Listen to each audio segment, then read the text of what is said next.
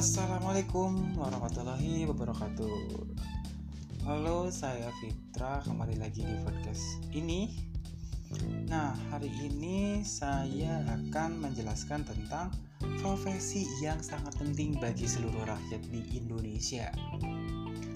Saat melihat sawah, tidak jarang terlihat juga petani yang sedang bekerja. Kali ini kita akan membahas materi kelas 3 tema 2 tentunya tentang profesi petani. Teman-teman, apakah sudah tahu apa itu petani?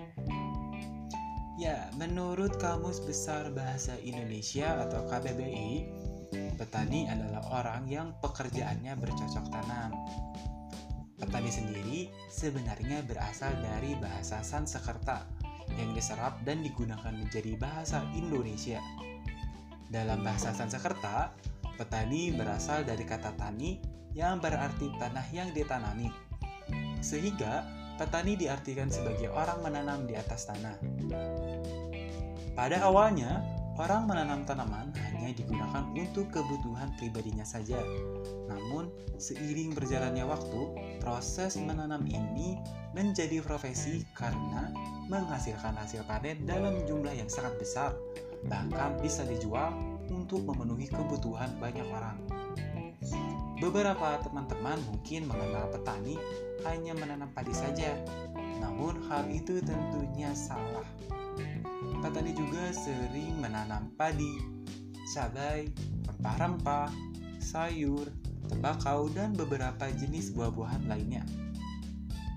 Petani adalah profesi yang memiliki pengaruh besar pada kebutuhan pangan di Indonesia kebutuhan beras sebagai bahan makanan pokok bergantung pada hasil panen petani Indonesia. Selain padi, petani juga mencukupi kebutuhan bumbu dapur seperti cabai, bawang-bawangan, dan beberapa jenis sayur lainnya. Pentingnya profesi ini hingga pernah mendapatkan pujian dari Presiden pertama Indonesia yaitu Insinyur Soekarno. Pak Soekarno pernah membuat akronim kata petani untuk menunjukkan peranan petani terhadap negara. Pada awal 50-an, ia menyebut petani sebagai penyangga tatanan negara Indonesia yang membuat para petani merasa bangga. Seperti dijelaskan sebelumnya, petani tidak selalu menanam padi saja. Banyak petani yang juga menanam sayur bahkan buah. Biasanya, petani tersebut akan disebut petani buah atau sayur.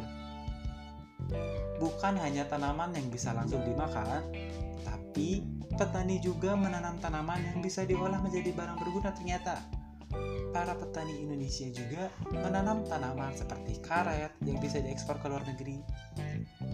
Dengan begitu, petani juga memiliki peranan dalam meningkatkan perekonomian negara Selain karet, ada beberapa hasil tani lain yang sudah diekspor ke luar negeri.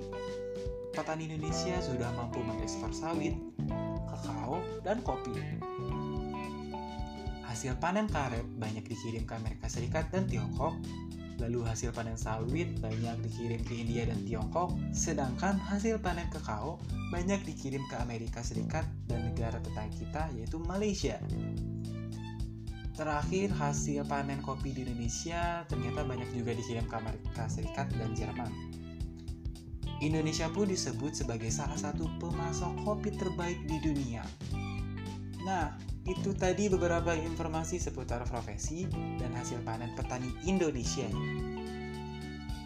Dengan setelah mengetahui pentingnya profesi petani, teman-teman harus lebih menghargai para petani dan bersyukur. Saya Fitra, mohon maaf bila ada kesalahan. Terima kasih. Wassalamualaikum warahmatullahi wabarakatuh.